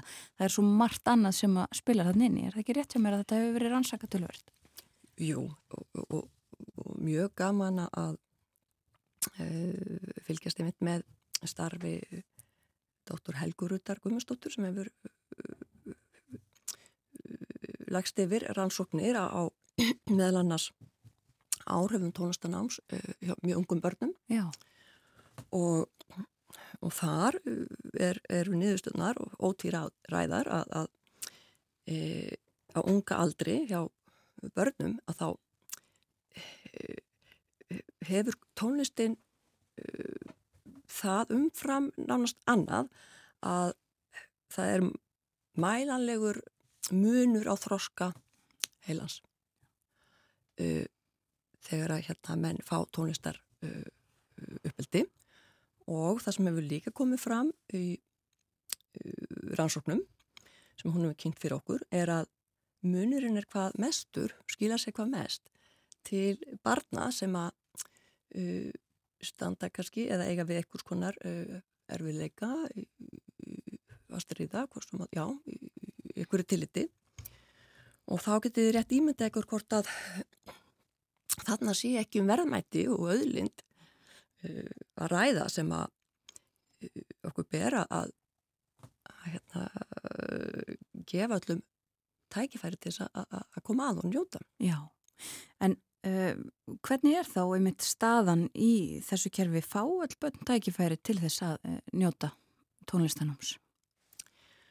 Sko það hefur verið uh, hort til þess að í grunnskólunum ég öll börn að fá tækifæri til þess að læra tónlist í, í gegnum tónmentarkjænslu og því miður að þá hefur gengið ítla að fá uh, kennara inn í það uh, nám og mjögframt hefur verið erfitt að uh, halda fólk í starfi og, og við ætlum kannski ekki út í það hér en þannig það er ákveðin brotalöfum í því kerfi sem að við höfum í okkar stefnumörkun námskrá að öll börn eiga að fá mm. tómend á Íslandi Já. sem er svona grunn mentun og þá hefur gætna verið þannig að þeir sem að hafa áhuga á að kynast tónlist nánar að þá komast þeir á, á bræði þarna og, og, og þreyfa fyrir sér og, og fá þá kannski að, að uh, vita að því að þeir séu tónlistarskólar í næsta nákvæmni og ef menn hafi áhuga á að, kynna sér þetta nánar. Og þar eru þetta Eh, líka svo hindrun að eh, okkur finnst fjármögnun mætti vera fylgja svolítið í takt við hérna, fjölgun í búa á hverjum stað. Já. og það hefur bara því miður ekki gerst. Er, og svona eiliðar baróttumál að fá fjármögnun inn í þetta kerfi, tónlistarskóla kerfi þá. Já, Já því það hafi verið miklu bygglistar og núna á þessum tímum það, það sem að uh, bara spennandi umræða hvaða tónlist á heiminni tónlistaskólunum, hvað er tónlist? Og í okkar fjölmunningar samfélagi og þróuninu röð og hvað sem er á bara samsetningu uh, samfélagsins og eða í tónlistinni sjálfri. Það er ekkit lengur engungu hort til vestrænar menningar miðju eða síðan kemur jazzin og þetta er ekki lengur einhverjir uh, tveir uh, pólar. Það er bara allt þarna á milli og allt umkring og, og tónlist er það sem að þú upplifir sem eh, tónlist og öðrum fyrst það kannski ekki jafn mikið við tónlist. En alltaf á þetta jafn, hérna, mikið rétt á sér og við höfum umdur að ræða þetta í, í stjettinni um hvaða hvað á tónlistarskóluna um faðma. Og það eru auðvitað uh, fyrsta spurningin sem við þurfum að svara til þess að uh, þá að hérna geta svara spurninginu hverjir eiga og ættu að, að geta uh, gengið inn í tónlistarskólan sinn og, og, og lært það sem að þeim, þeim fyrst vera tónlist. Já. Um, og svo er það það það er kannski misjant líka hvernig að þessu er staðið og hvert aðgengið er eftir stöðum eh, aðgengið að tónlistaskólum um, er mismunun í, í þessu kerfi eftir, eftir svæðum til dæmis? Já, við, við erum að gera uh, könnunum á þessu núna og það er ekki alveg uh, komnar en í síðustu könnum sem er reyndar rúm tíu ár síðan og þá var til að mynda mjög mikill munur á hlutalli barna á grunnskólualdri sem að voru tónskólum eftir svæð Já. og sem dæmi þá Östurlandi var hlutalli um 40 um 45% með minnir og, og vestfyrðir voru þar næstir röðinni og, og það er mjög það má segja, sko, út af landi þá þarf það að bregðast þá þartu meira að uh, bregðast við væntingum og eftir spurn þú þarf að vera meira samspili við uh, börn og, og ungmenni. Uh, það er ekki eins mikið í bóði þar og, og tónlistarskólinn er uh, svona menningamið stöð sem gegnir mjög mikilvæg hlutverki. En svo á, á sama tíma þá hér til að mynda í höfuborginni þá var þetta hlutfall innan með 20% meir en helmingi innan og það sko, það, það eru auðvitað að setja þetta í, í, í, í samhengi. Hér náttúrulega hafa krakkar úr meiru að móða og, og allt það. En engu síður á sama tíma voru og að vera mjög miklu bygglistar og, og það er það er mýður börn þrýfast ekki mjög vel á bygglistum Nei, akkurat. Um, það er uh, ég ætla að grípa þess niður í hérna tónlistarstefnu sem var samþygt í fyrra sem einmitt kemur inn á þetta sem þú ert að segja með uh, tónlistarskóluna um allt landið. Að tónlistarskólakerfið er undirstaða tónlistamentunar, öflugs tónlistarlífs og tónlistargeira. Rúmlega 8-10 tónlistarskólar eru starfrættir út um allt land. Og tónlistarskólar eru víða likil stopnanir í sínu nær samfélagi á sviði mentunar, menningar og lista. Þannig að þetta er, uh, myndur segja að þetta sé svona í, í betri stöðu út á landi við að heldur en til dæmis hér á, á höfbruksvæðinu þar sem aðgengið er betra? Já, allavega hort á þessar tölur og þá þá hefur hlutalli verið mun herra mm. á landsbyðinni Svo er líka tala um kostnað. Það er ekki ódýrt að, að vera með börn í tónlistanámi og verður auðvitað dýrar eftir því sem að þau komast lengra Já, já, já. Og það er uh, uh, það er margt margt til umræðu þar. Við hefum svo sem lengi veld fyrir okkur afhverju það er svo lítil umræðu um það á Íslandi. Andstætti sem að gerist á Norðurlandunum til að mynda uh, um eitthvað þak á skólagjöld. Og og meða við það að við tilhörum nú þessu norræna móteli og, og velferðarkerfis uh, hugsun að e, þá fylgir þá er þetta ekki, þá talar þetta ekki saman. Mm. hér er, eru skólagjöldin e, mjög há á viðskvar á höfbruksvæðinu og þar duður engin frístundastyrkur til. En það er best að samt að gleyma því ekki að e, ymsi skólar hafa í, samstarfi við til að mynda grunnskóla og uh, starta verkefnum þar sem að þeir bjóða upp á uh, tónlistanám sem að, uh, sem að er innan þessa rama og, og það, þarna eru möguleikar tónlistaskóla svo miklir uh, þá vantar bara aðeins meiri stuðning og svona umgjörð og hún sé sköpuð þannig þeir sé á, á, á sama plattformi og að, aðrar skólastofnir og varðandi samstarfs möguleikana Já. og við höfum lengi talað fyrir því að e, það að tónlistaskólar á Íslandi e, er ekki með fælega lögjöf e, lögjöf um e, tónlistaskóla á sér rætur til 1960, 1963 og þá voru menn aldeilis metnaða fullir og sáu það, það var þörf fyrir ramma utanum þetta, það voru komnir innan við 20 tónlistarskólar og, og það þurfti að búa til þennan ramma og, og, og þá fyrir frekari þróun. En þessi rammi hefur ekki verið skor, skoðaður síðan 1985 og það þarf engin að velkjast í vafum það að lög skipta máli og þannig að hann hefur ekki stutt tónlistaskóluna í því Já. að uh, nýta sér möguleika til þróunar í samstarfi við alls konar stofnanir og uh, en um leiðum að segja þetta og þá bara lítið þess að síðasta ár var uh, sannkalla ár tónlistar hvað umgjörð var þar með okkar eins og nefnir, fyrstu tónlistastefnu mm. og, og lögum um tónlist og þannig ég held að þetta sé uh, á næsta leiti að menna átti sig á því að ef menn alltaf ná uh, þeim árangri sem aðeins stemt í tónlistastefnu sem er metnaða full að þá byrja að hlúa rótunum Já. með sama hætti uh, og, og, og laufey uh, hérna uh, var hjá kennurum sem að hlúðu að hennar tónlistamentun að þá þarf kerfið í heild. Það þarf að hlúa að rótunum þar. Já. og það vil ég segja að e, þar getur við með mjög öðvöldum hætti e, nálgast þetta verkefni að, að tónlist þessu öðlind eru þetta e, allra.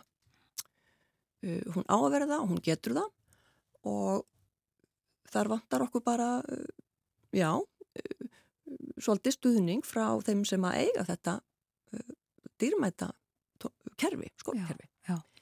Og er skilningur á þessu, er verið að vinna í þessu uh, innan þessa kerfi sem mitt, mentakerfisins? Já, ég verði að segja það að, að það er,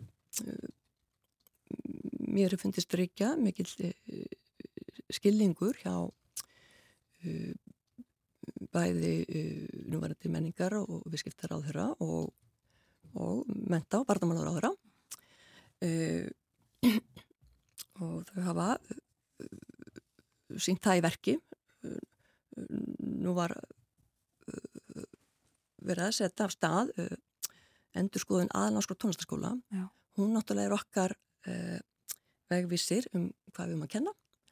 Og það er hluti af þessu að ef hún gerir bara ráð fyrir klassískri tónlist eða jazz þá er það ekki beint að bjóða uh, hverjum sem er inn í þessa stopnun sem að lítur ekki á endilega þetta sem sína tónlist og þannig þetta er núna í, í endurskoðun og enda hvart öld síðan að hún var uh, skrifuð Já.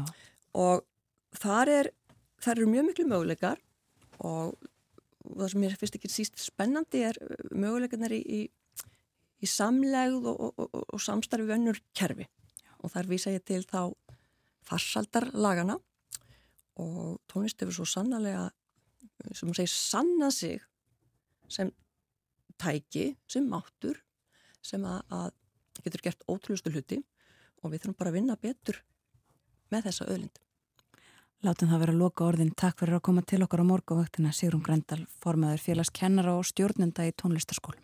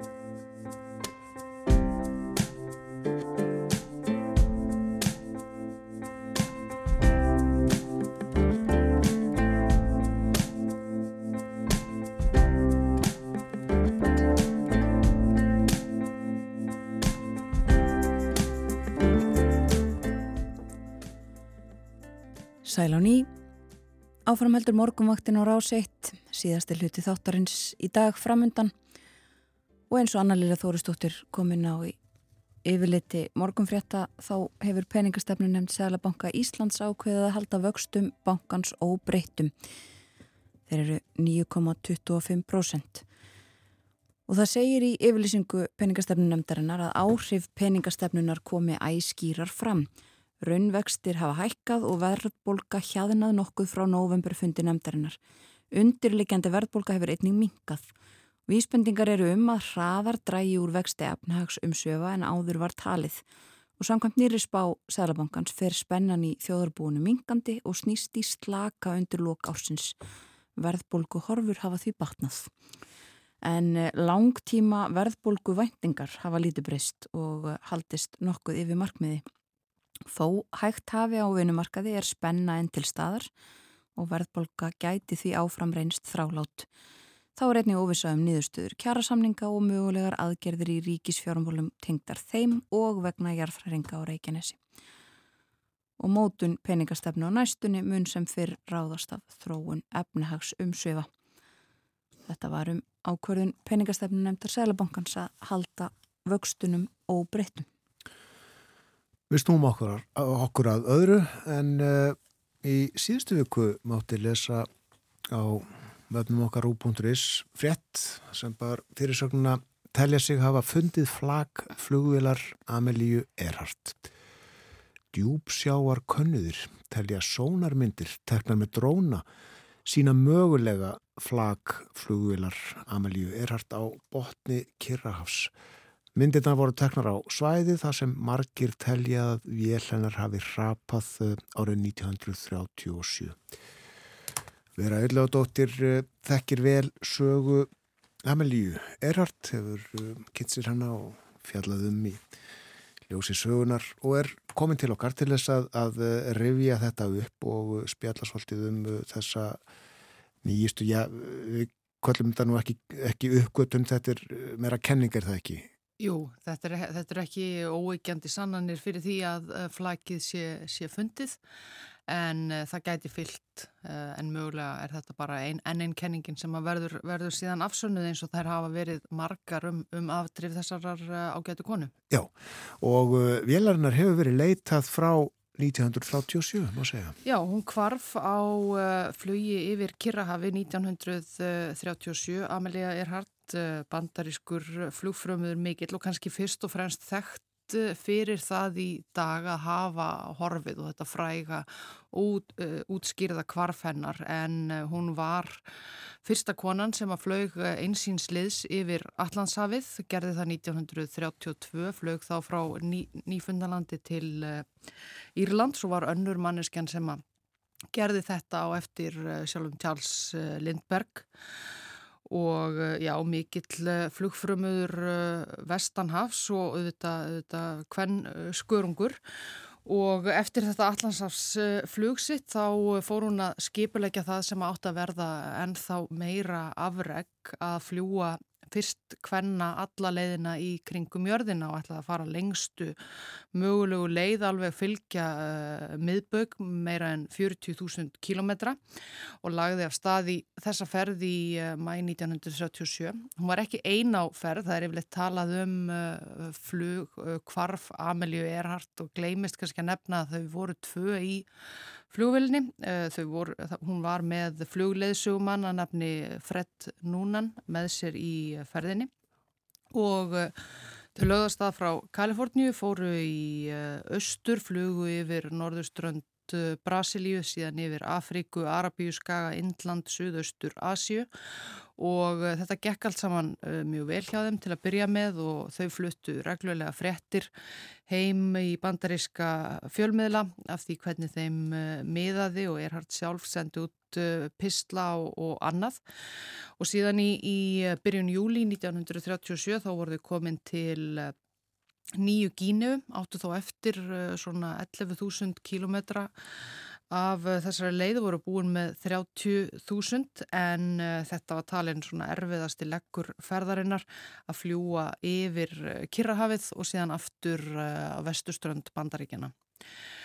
Og frá nýju gínu var stefnan að lenda á lítilli kóraleigu sem er eiginlega í miðju Kirrahafi, Háland eigu Þetta er eiginlega bara sker eins og margar svona litlar uh, kóralegjur en það var sem sé búið að uh, bú, útbúa fyrir uh, Núnan og, og Amelíu Erhardt sérstaklega flugbröð þarna á eiginni frumstæða flugbröð svo að þau gætu, gætu lent og kvílt sig þarna á, á, á leiðinni yfir Kirrahafið og það var bandarist herskip á, á Kirrahafið sem var í sambandi við þau áttu að áttu að finna þetta pínulitla sker.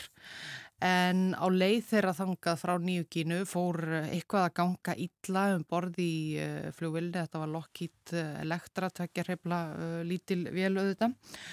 Þau áttu í erfileikum með samskiptin við þetta herskip og, og virðist vera af þessum síðustu samskiptum sem að þau áttu við herskipið að eh, já, þeim hafi gengið erfilega að finna, finna flugbröðina út í miðju hafinu og mögulega það farið að, farið að þverra eldsneiti á meðan þau uh, leituðu.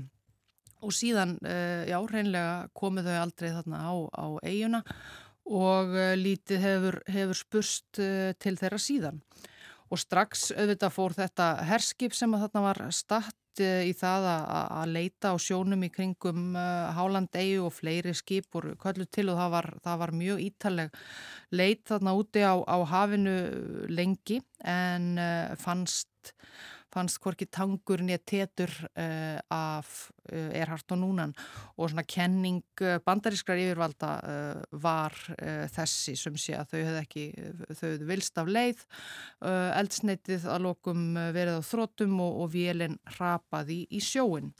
Og er þetta stórt hafsvæði sem hún getur hafa farið í sjóin? Þetta getur verið gríðarlega stórt hafsvæði þar sem að það er ekki vitað nákvæmlega Uh, hvernig, hún, hvernig hún flög og ef hún var að villast þá hvar hún var að, að villast og, og svo framvegist þannig að þetta er gífulega stort svæði og við getum kannski rifjað upp fréttir af, af, af leitinni að malasísku velinin sem að týndist uh, hérna um árið. Þetta eru rosalegar uh, vegalengdir þarna úti á rúmsjó og, og erfitt að segja til um, til um þetta. Það er þetta munstari vel og, og allur tækjabúnaður allt öðruvísi þetta 1937 allt öðruvísi og, en það hafði þetta verið eh, alls konar kenningar um það hvað, hvort eitthvað annað hafi gerst en einmitt eh, þetta, ég hef nú farið yfir það nokkrar eh, hér í þessum þætti uh, misgáfulegar að hún hafi sett þetta allt saman á svið til þess að komast undan fjölmiðlum sem að fylgdu henni í hvert fótmál eða eitthvað slíkt og, og síðan hafi nýtt líf undir dulnefni.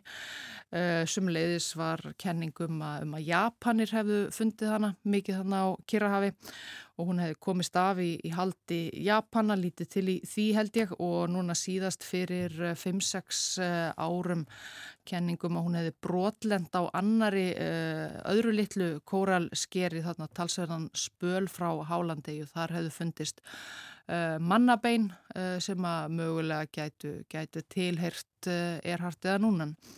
En Það eh, hefur nú ekkert verið eh, sannað í þeim efnum og eh, þessi, þessar nýjustu fregnir þær eru í raun og veru renna ef að rétt reynist renna stóðum undir það þetta hafi nú bara farið eins og, eins og bandaríski yfirvöld töldu í upphafi. Það sem sé bandaríst fyrirtæki sem heitir Deep Sea Vision, djúpsjávar kavarar sérstakir sem að hafa Undanfæri misseri leitað að flaki vélarinnar uh, á 13.400 ferkilometra hafsvæði í uh, grend við Hálandegu. Þeir hafa ekki gefið það upp. Forstjóri fyrirtækisins sem hefur verið til viðtals Tóni Rómeo. Hann hefur ekki viljað gefa upp nákvæmlega hvar fyrirtækið leitaði. Segir að það hafi verið um 160 kilometra vestur af Hálandegu þar sem að, þar sem að þeir voru á, á ferðinni en uh, muni gefa upp nákvæmari staðsetningu síðar meir. Og þeir hafi miðað eh, leitarstaðin við síðustu samskiptin sem að Erhard átti við bandaríska herskipið um hvar hún væri stödd einhvern veginn. Og leitað sem sé á, já, 13.000 ferkilometra hafsvæði með djúpsjávar dróna. og hafa, telja sig hafa fundið á 5 km dýpi með því að taka sónarmynd, einhvern hlut sem þeir segjast, uh, segja líkjast flugvel af, af þeirri tegund sem að uh, Amelia Earhart uh, flög og þetta er svona flatur, flatur hafsbotn þar sem er bara, er bara sandur og þar sem að slíkur hlutur verðist vera nokkuð óvenilegur og uh, ef þetta er flúvil þá verðist hún vera nokkuð uh, óskemmt allavega í, í eh, einu lægi og, og talsmenn þessa fyrirtæki segja að Erhard hafi ju verið mjög reyndur flúmaður og hún hafi vita skuld þegar ef að eldsneitið var að, var að verða búið reynda, reynda lenda vélinni svona, svona ljúflega á, á, á hafinu hvað svo sem síðar gerist og eh, ég hlusta að viðtal við eh, flugsugu sérfræðing hjá eh, flugsafni Smithsonian í, í bandaríkunum Dorothy Cochrane, hún segir að þetta sé já, mjög forvitnileg mynd, það verður ekkert verið byrt meira en þessi fréttatilkynning og, og þessi sónarmynd sem að sínir eitthvað sem að jú kann að líkast flugvel en þetta sé þó ekki nót til, til, til að segja til um neðinni vissu hvað eh, þarna sé á ferðinni niðri í hafinu og, og, og næstu skref allavegana að taka betri ljósmynd af uh, þessu fyrirbæri, uh, allra minsta og, uh, og síðan mæntanlega hefja það af, af hafsbótni ef þetta er eitthvað sem, að, sem ástæða er til að, að skoða nánar. En Já, forstjóri þessa fyrirtækis Deep Sea Vision, hann uh, segist uh, sannarlega að halda áfram að rannsaka þetta og bæði taka betri myndir og, og þá vonandi einhver, einhver síni. Snúa aftur á, á þennan uh, stað til þess að afla frekari upplýsinga en uh, hefur tekið það fram í öllum viðtölum að, að það verði mjög erfitt, öll svona logistík ímiskonar eh, um, eh, um, um leit þarna á þessu, þessu afskekta hafsvæði á, á, á, á miklu dýpi er öll frekar erfið og vendalega líka mjög, mjög kostnarsum og hann sem sé áætlar að þetta taki að næstu skref í, í, þessari leit muni, muni taka fyrirtækið eh, jafnvel einhver ár. Uh, svo þannig að það, það verði, verði einhver ár þannig til við, við fáum einhver frekari svör í, í þessu máli en uh, ég held nú að ég, ég, ég leiði mér að vona ef, að, ef, að, ef þetta er í raun og veru eins uh, samfærandi og, og talsmeðin fyrirtæki sem segja sjálfur að, að einhverjir, einhverjir uh, hljóti að vera til að hlaupundir bakka með, með fyrirtækinu og til þess að þetta geti nú, get, geti nú orðið þar sem, þar sem að það er alveg gífulega margir sem að hafa ennþá brennandi áhuga á þessari ráðgátum og fleiri fyrirtæki og, og alls konar félagsskapur úti í heimi sem hefur fátt annað eh, fyrir stafni en, en að leita upp í einhverjar vísbendingar um Amelíu Erhardt sem ég held að hljóta verða færri og færri eftir því sem, að, eftir því sem álýður. Skilur þú þennan mikla áhuga? Uh, Amelie Earhart var auðvitað mjög merkileg, uh, merkileg kona og óvenjulega á, á margan hátt bara uh, bara fyrir það að vera, vera flugmaður á þessum tíma þegar flug var bæði mjög erfitt og sérstaklega fyrir, fyrir konur. En uh, kannski þetta kvarfennar hafa aðeins skikt á uh, annað sem að hún, uh, sem að hún afreikaði á lífsleiðinni.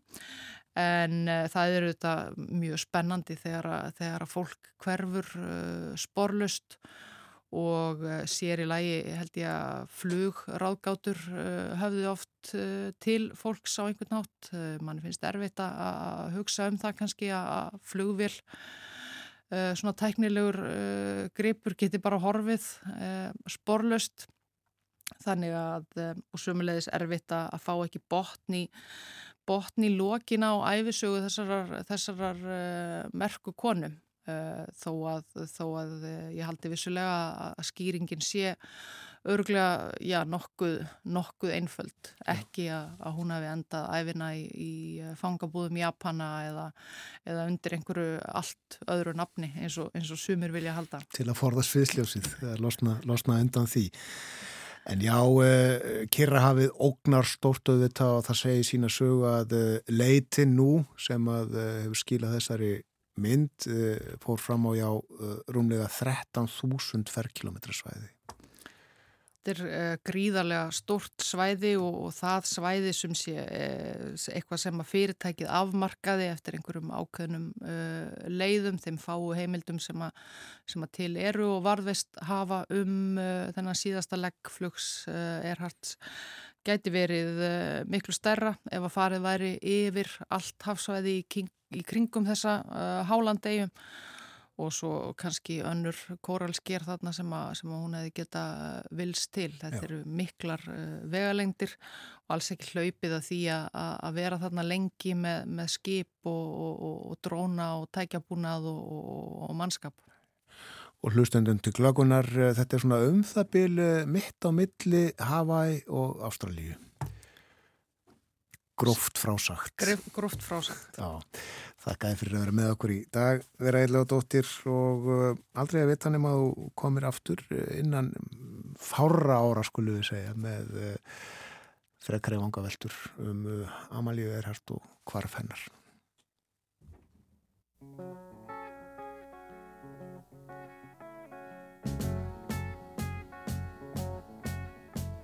Imagine me and you, I do I think about you day and night.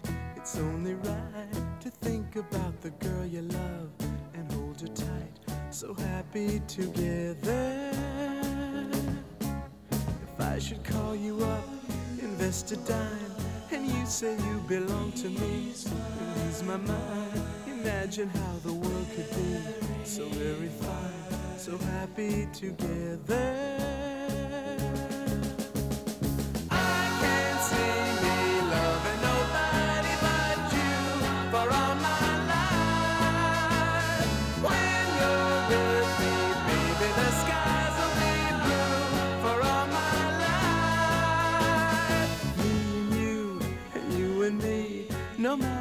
They tossed the dice.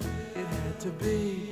The only one for me is you, and you for me. So happy together.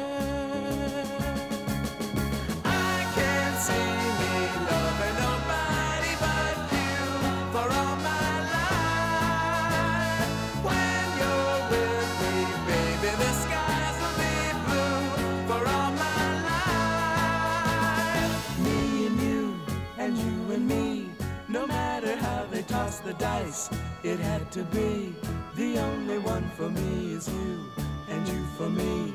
So happy together.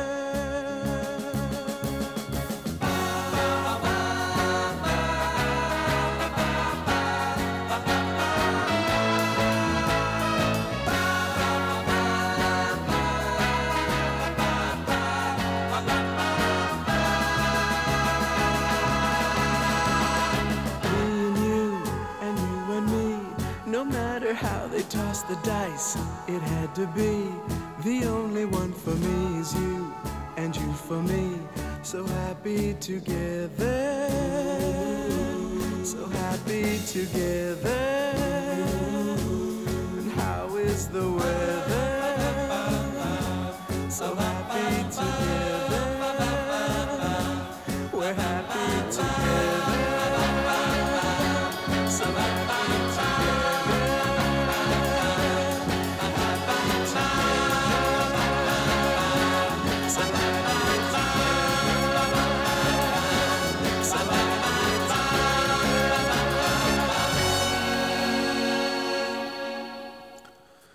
Sungið um haminguna. Happy Together. Já, Turtles hljómsveitin sem að, uh, á þetta lag. Og við rættum við veru íllugadóttur um uh, Amelíu Earhart, nýjustu vendingar eða tilgátur í uh, kvarfi hennar. Og er að fóra yfir þessa sögu og aðeins um þessa merkilegu konu sem hún var. Já, og uh, fyrir fólk sem að var að kaukja á útastækinu þá uh, voru þau tíðindi fljút úr selabankanum í morgun að uh, vakstast í landinu er óbreytt. Þess að vaksta ákvöruna dagur í dag svo fyrsti á árinu og uh, peningastefn nefnd ákvað að uh, halda vöxtunum óbreyttum og megin vextirnir eins og eru kallaðir, hér tegnis niður stýrivextir, uh, þeir eru áfram 9,25%. Já. Það er nú, dágott. Það er dágott.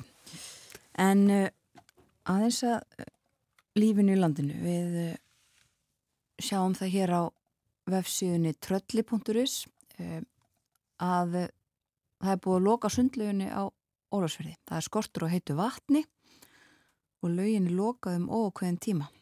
Dúkur hefur verið dregin yfir sundleguna. Það er eins og var opið í heita potta. Og sömu leiðis þá hefur verið ákveðið að loka eh, hluta af Stefánslaug í Neskjöpstað um þryggja mánuða skeið. Og það er vegna skerðingar landsvirkjunar á rafmagni til sveitafélagsins og uh, að hluta hefur sem sagt aðal og barnalöginni verið lokað og þannig verður fram á vor. Og ástæðan sem sagt já sögð orkuskortur uh, þetta mun spara um 20% af orkuþörf sundlöguarinnar Og að því hún nefndi sundlegin á Ólasfyrði, Ólasfjörða múlivegurinnum hann er uh, lokaður það er verið að móka og uh, það uh, gæti að opna þarna aftur um ja, halv 11-11 eitthvað svo leiðis og sömu sögu er að segja af syklufjörðavegi. Já, örlíti meira af orku og vassmálum, það er verið að bóra eftir heitu vatni á djúbavogi og bundnar vonir við það að, að það verði fundið, það hafa verið uh, boraðar könnunarhólur sem að gefa fyrirheitum að það finnist nægilega heitt vatn á þessu svæði og þá muni íbúar þar loksnjóta hitaveitu eins og segir í frett en á vefnum austurfrett það hafa verið tölvera tafir við að fá jarðbor þangað til leitar og svo vildi ekki betur til en að loftpressa borsin skaf sig þegar var rétt hafist handa við borun en það er hafin viðgerð og vonandi hægt að halda áfram síðari vikunni segir í þessari frétt og já, bundnar vonir við að þarna finnist heitt vatn. Þetta eru svona nokkrar fréttir af, af landsbyðamiðlum sem við skoðum alltaf reglulega en uh, morgunvaktinni fer hins vegar að ljúka þennan morgunin. Við höfum verið hér frá því snemma í morgun, Björn Þór og Þórun Elisabeth. Fjallaðum ímislegt, eh, meðal annars núna um Amelíu Erhardt áðantöluðum við um tónlistarskólana. Hjá okkur var Sigrun Grendal, eh, hún er formadur félagskennara og stjórnenda í tónlistarskólum. Hún er bjart sín á að það sé að rofa til árið í fyrra hafa verið gott, með samþygt tónlistarstefnu og laga um tónlist en uh, það vantar svona herslumunin til þess að uh, samræma tónlistaskólakerfið við önnur kerfi og uh, það er enþá ávikjöfni að það eru langi bygglistar og, og það fá ekki öll börn sem að það vilja að læra tónlist. Nei, sveitafélagin standa mjög misjafnilega að þessu öllu saman. Já, og það er líka dýrt, dýrara en annar staðar á Norðurlöndunum sáðun okkur að stunda tónlistanum hér á landi. Hér fyrir morgun snemma upp úr hálf átta var hjá okkur tónskáld Gunstein Ólafsson þó ekki að tala um tónsmíðar eða tónlist, við vorum að tala um Ungveriland Hann fór þanga til náms réttliðilega 1983 og dvaldi í landinu í fjögur ár og hefur heimsótt að margsinnis síðan og dvalið þar um lengri eða skemmri tíma, var þar síðast núna bara fyrir vetur. Og við töluðum um þær miklu breytingar sem að orðið hafa á Ungverilandi og þá sérstaklega þetta í tíð Orbáns fósætisráð þeirra og Gunsteini líst hreinlega ekkert á þetta og hefur eftir eh, vinum sínum mörgum sem að búa í landinu að eh, allt sé þetta mjög eh, erfitt og slemt. Þetta er með lokið, hann verður á sínum staði fyrramáli, Björn Þór og Þórun Elisabeth þakka samfélgina við vonum að þið njóti dagsins. Verið sæl.